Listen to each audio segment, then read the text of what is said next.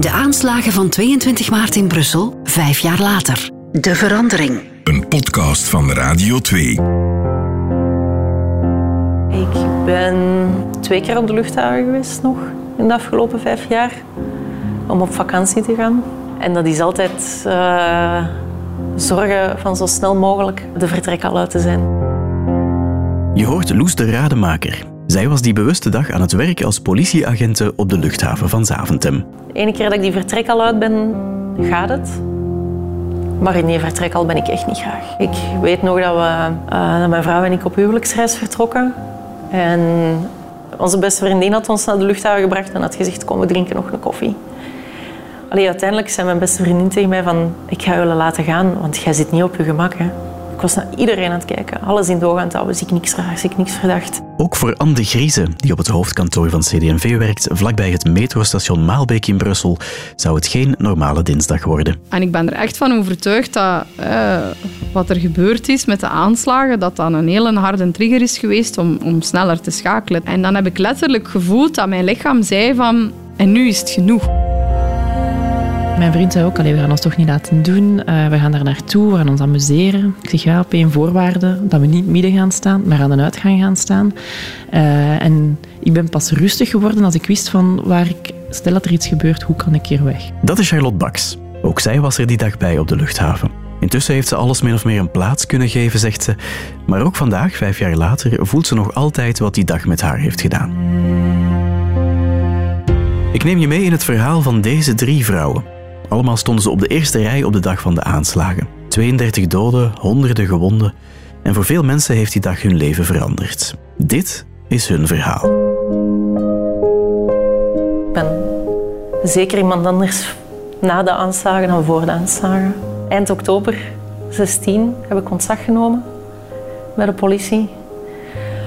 Uh, en dan uh, ben ik op zoek gegaan naar werk. Uh, ik heb wat interimjobs gedaan en dan ben ik uiteindelijk aan de slag kunnen gaan bij uh, een heel leuke buurtbar in Leuven. Uh, en ondertussen ben ik, was ik heel hard aan het timmeren aan mijn eigen zaak. En die is er nu. Ja, een gezellige koffiebar in Kortenberg. Van politieagenten naar barista dus. En dat is een carrière-switch waar Loes nog geen minuut spijt van heeft gehad. Dat is echt een droom dat is uitgekomen. Dat is een oude droom dat ik ergens ver in een schuif had gestoken, die uit is gekomen. En zo, dat is echt heel tof. Ik kan mijn ei daarin kwijt.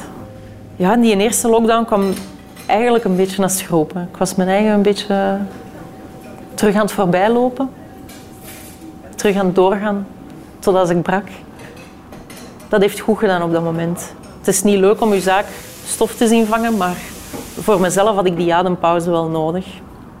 Uh, ik heb op een bepaald moment gedacht dat dat wel verwerkt was en dat dat een plaatje had gekregen, maar dat is uiteindelijk gebleken dat dat niet zo is. Vandaar dat die de eerste lockdown wel, dat dat wel een verademing was. Omdat ik merkte dat dat nog altijd sluimerde, dat dat nog altijd in mij zat. Even terug in de tijd, 22 maart 2016, een dinsdagochtend op de luchthaven van Zaventem. Loes zit op het politiekantoor achteraan de terminal.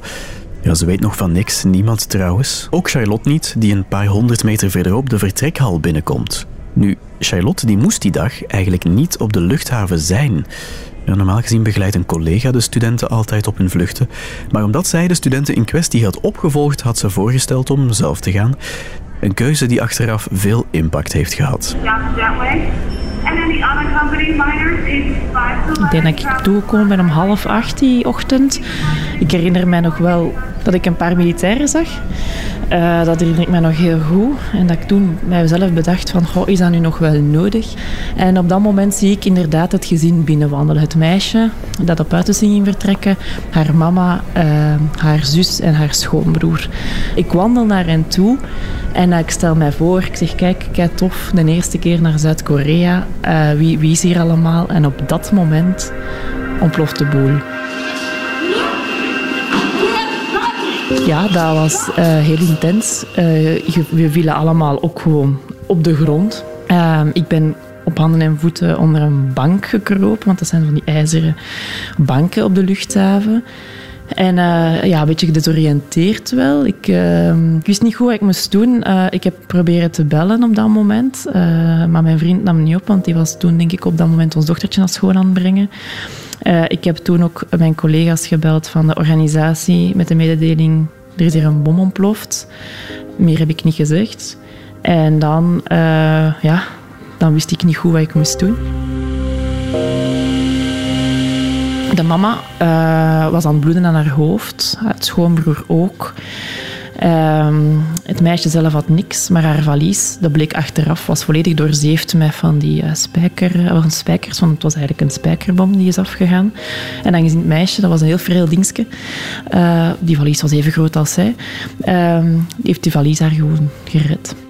Er was een verschrikkelijke geur, een heel intense geur die heel indringend, uh, ik heb die heel lang nog gerookt achteraf, in mijn neus kwam.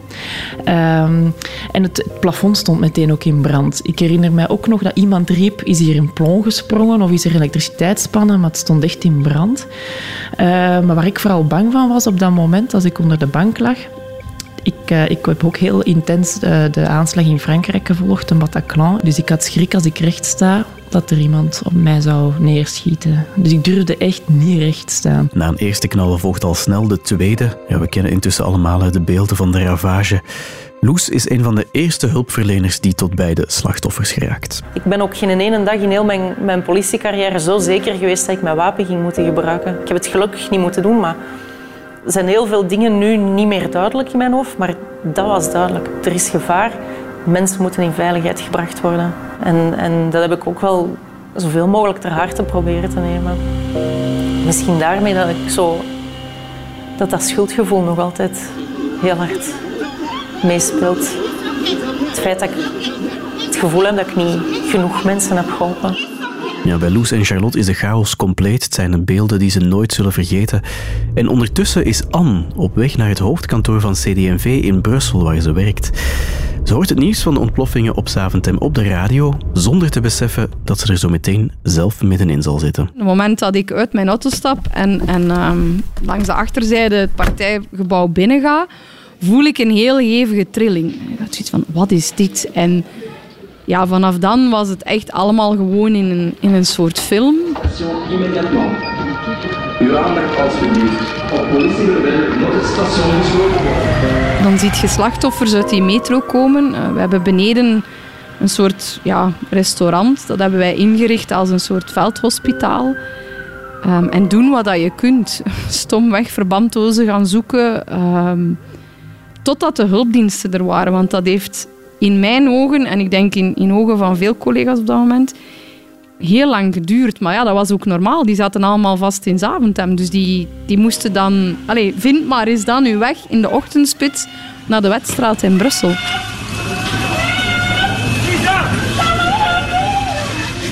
Sommige mensen waren ongedeerd en gewoon volledig ontredderd, maar anderen waren zwaar gewond, waren effectief lichaamsdelen kwijt konden niet meer lopen. Ik weet nog dat wij een mevrouw hebben echt die, die zich naar boven had gesleurd op de trappen. Maalbeek heeft zo een trap en dan nog een trap en dan pas zie je de, de lucht. Hè.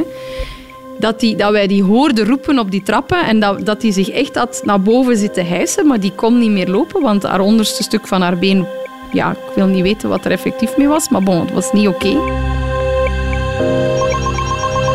Een van mijn collega's zat gewoon, had gewoon de taak genomen om aan de receptie te gaan zitten en telefoons beginnen opnemen, want er wordt in omver gebeld. En dat hij op een bepaald moment riep, aan kun je gewoon aan je familie laten weten dat je oké okay bent. Dat zelfs dat, dat was zo nauw, hè, dat, je, dat je zelfs niet stilstaat. Ah ja, ik moet misschien eens aan mijn eigen gezin laten weten dat ik wel oké ben, want die horen alles op het nieuws. Anne en haar collega's bij CD&V helpen waar ze kunnen. Maar niet alle mensen die Anne die dag heeft verzorgd, hebben het gehaald. Er was één mevrouw die, die gestorven was in mijn armen. Um, en dat, was wel heel belangrijk, dat ik, dat ik ergens kon weten wie dat zij was. Want ik weet dat ik de dagen daarna in de kranten, hè, toen dat de slachtoffers bekend waren, echt wel ben gaan zoeken van wie was dat nu, wie was zij? Om daar zo wel een gezicht te kunnen opkleven en te weten, allez, ergens te weten van oké, ja, wie, wie was zij? Um, en dat ben ik wel te weten gekomen. Zonder meer. Hè. Het was niet dat ik daar dan nou wou gaan zoeken en zo, absoluut niet. Maar dat was wel ergens een, een, troost, allez, een troostend iets dat je daar toch een naam en, en dat je dat kon verbinden met elkaar. Dat vond ik wel belangrijk. voor mezelf. Ik denk dat ik nu op dit moment uh, op een bepaalde manier uh, dat een plaats heb gegeven. Maar ik geef eerlijk toe dat de eerste weken, maanden en misschien zelfs jaren toch wel, dat dat heel aanwezig is geweest. Um, dagelijks denk je daaraan. Dat komt die nu op? Is dat nu omdat iemand zijn, zijn koffer zwaarder dichtslaat van de auto? Of is dat een geur dat je ineens uh, opmerkt. Het zijn die kleine dingen waar studentenbegeleider Charlotte last van heeft. En gelukkig slijten die wel, maar rustig en volledig onbezorgd naar een concert of een festival gaan, dat is nog altijd lastig. Als ik die zomer erop naar de festivals wou gaan, want ik doe dat wel een keer graag. En ik herinner me nog heel goed dat we naar de Gentse feesten zijn geweest op 21 juli. Dan had ik toch zweethanden. Uh, ik dacht, ja, 21 juli, hè, het is aanslag meestal op een nationale feestdag ook. Hè. Uh, Nice in gedachten van Frankrijk dan. Uh, die aanslagen, dat, je begint daar toch wel een soort van patroon precies in te vinden. Maar mijn vriend zei ook, we gaan ons toch niet laten doen. we gaan daar naartoe, we gaan ons amuseren. Ik zeg, ja, op één voorwaarde, dat we niet midden gaan staan, maar aan de uitgang gaan staan. en ik ben pas rustig geworden als ik wist van waar ik stel dat er iets gebeurt, hoe kan ik hier weg? En dat heb ik wel overgehouden. als ik nu ergens, ah ja, gelukkig, ah ja, gelukkig uh, in de corona valt dat nu niet voor, maar als ik op een plek zou komen waar veel volk is, zal dat wel een, uh, een doen afgaan. Want ik ga me niet meer vooraan zetten, ik ga me niet midden zetten. Ik zal mij vlak bij een uitgang uh, plaatsen. Zelf zal Charlotte er niet altijd over beginnen, maar als ze de kans krijgt, dan vertelt ze wel graag over hoe ze die dag beleefd heeft. Ja, als een vorm van therapie. Wat ik wel heb gemerkt is dat ik dat onlangs nog, of, niet zo heel lang geleden, tegen iemand die ondertussen een heel goede collega van mij geworden is, had verteld. En zij werd heel emotioneel. En bij haar kwam dat heel hard binnen. En daar was ik van verschoten. Voor mij was dat de zoveelste keer. Hè. Maar voor haar was dat allemaal nieuw. En uh, ja, die was daar helemaal van onder de, de voet. Had ik ook wel beseft van ja, Charlotte, dat is niet gewoon je vakantie vertellen dat je doet. Hè. Dat kan wel binnenkomen bij mensen. Ook met Anne gaat het intussen beter. Met één groot verschil dan, want zij werkt intussen al jaren niet meer voor CD&V. Kort na de aanslagen voelde ze dat het tijd was voor iets anders. Dat was het eigenlijk al langer, maar wat ze die dag heeft meegemaakt was eigenlijk het laatste zetje dat ze nodig had om de knoop eindelijk door te hakken. Twee jaar daarvoor eh, was ik eigenlijk mijn eigen grenzen tegengekomen. Om een lang verhaal kort te maken.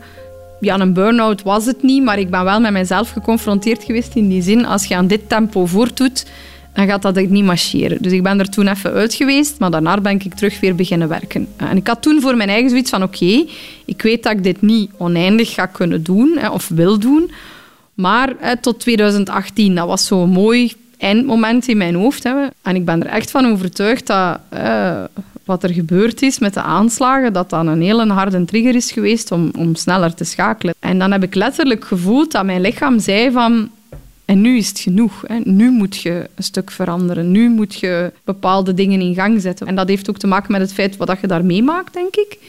Want je ziet dingen in een ander perspectief. Allee, ja, iemand, iemand zien die niet meer verder kan, hè, die, die, hè, die, die overleden is, en dat letterlijk meemaken. Onbewust heeft dat een, een zeer, ja, zeer duidelijk trigger geweest, om, om, ook aan mijn eigen lichaam, om dan duidelijk te maken van en nu tijd voor je gezin. En nu ga je wel investeren. Hè. Je gasten zijn ondertussen, ik weet niet meer wat ze toen waren, maar bons wat. Hè. Eentje had al bijna de hele lagere school doorkrost en ik was er niet zo vaak geweest. Dat heb ik echt gezegd. En nu tijd voor iets helemaal anders, dicht bij huis. Um, waar er meer tijd is om ook mama te zijn, mijzelf als mama ook te, te leren kennen. Meer ook te investeren in mijn relatie en, en te zoeken naar een andere professionele uitdaging. En het, ik ben geen winkel gaan houden. Dat, niet, dat is nog altijd mijn droom. Want mijn afscheidscadeau was wel een hoop groenten. Want mijn collega's zeiden, ah, wel, begint dan maar je groentewinkel. Hè? Want ik had dat zo gezegd. Als ze zeiden, wat ga je nu doen? Dan zei ik altijd, ja, ik ga een groentewinkel beginnen. Er is nog altijd niet van gekomen, maar ik ben wel helemaal iets anders gaan doen. Anne heeft intussen een job gevonden bij een HR-bedrijf. En intussen ex-agente Loes, die is gelukkig in haar eigen koffiebar. Wat niet wegneemt dat ze nog regelmatig hulp en therapie nodig heeft. Ik kan om de haverklap in, in tranen uitbarsten slecht slapen. Dat is panikeren als je een, een helikopter hoort. Dat is een hele grote trigger voor mij. Ik kan dat niet plaatsen, waarom? Maar als ik een helikopter hoor, ja, dat, dat triggert van alles. Dat is ondertussen ook een stuk geminderd. Dat zijn zo'n dingen dat je dan merkt dat je op sommige momenten nog echt heel je lijf voelt samentrekken. Um, ja, die diagnose van posttraumatisch stresssyndroom, dat is, dat is raar. Hè? Ik vind dat nog altijd raar. Ik vond dat toen heel vreemd van dat te zien staan op mijn, mijn ziektebriefje. Maar dat is... Ja, ik associeer dat nog altijd met, met oorlogsgebieden. Dat heeft er wel voor gezorgd dat ik wel mensen gemakkelijk...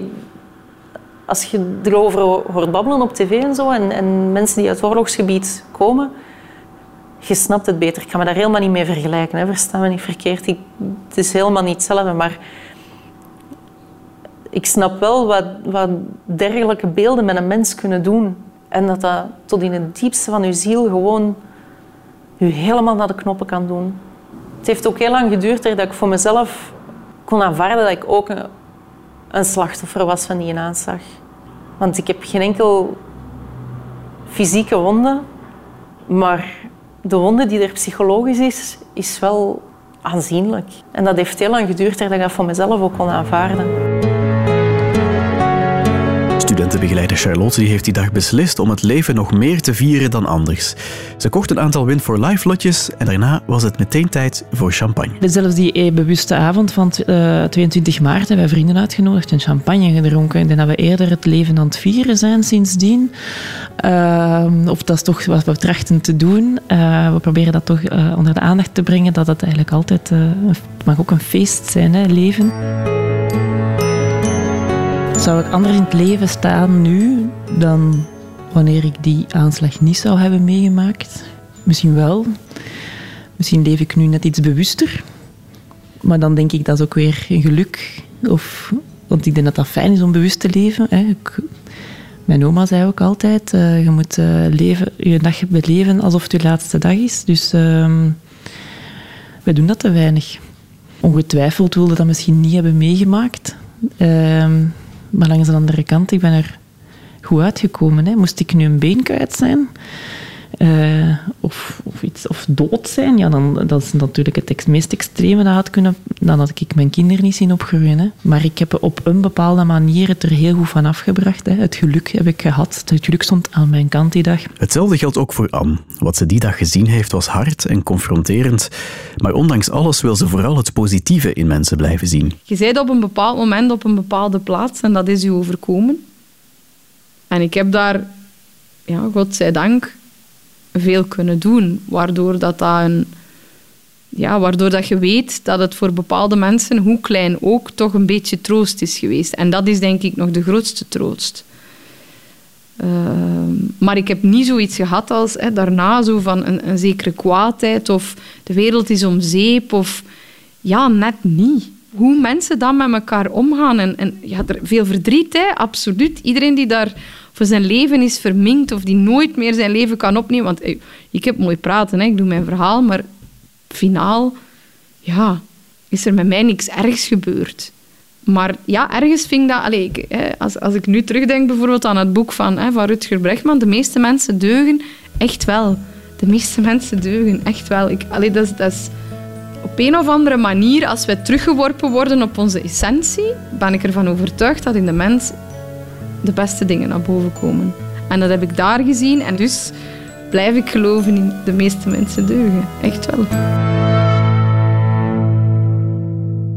Tijdens de aanslagen van 22 maart vielen in totaal 32 doden en raakten bijna 700 mensen gewond. In totaal zijn 10 verdachten doorverwezen naar het Hof van Assise, waaronder Salah Abdeslam en Mohamed Abrini. Wanneer het proces van start gaat is nog niet duidelijk. Dat zal ten vroegste in september 2022 zijn. Wil je nog meer horen? Luister dan ook naar onze podcast De Dag van de Bommen. Daar beleef je die dag door de ogen van verschillende Radio 2-journalisten. Dit was een podcast van Radio 2.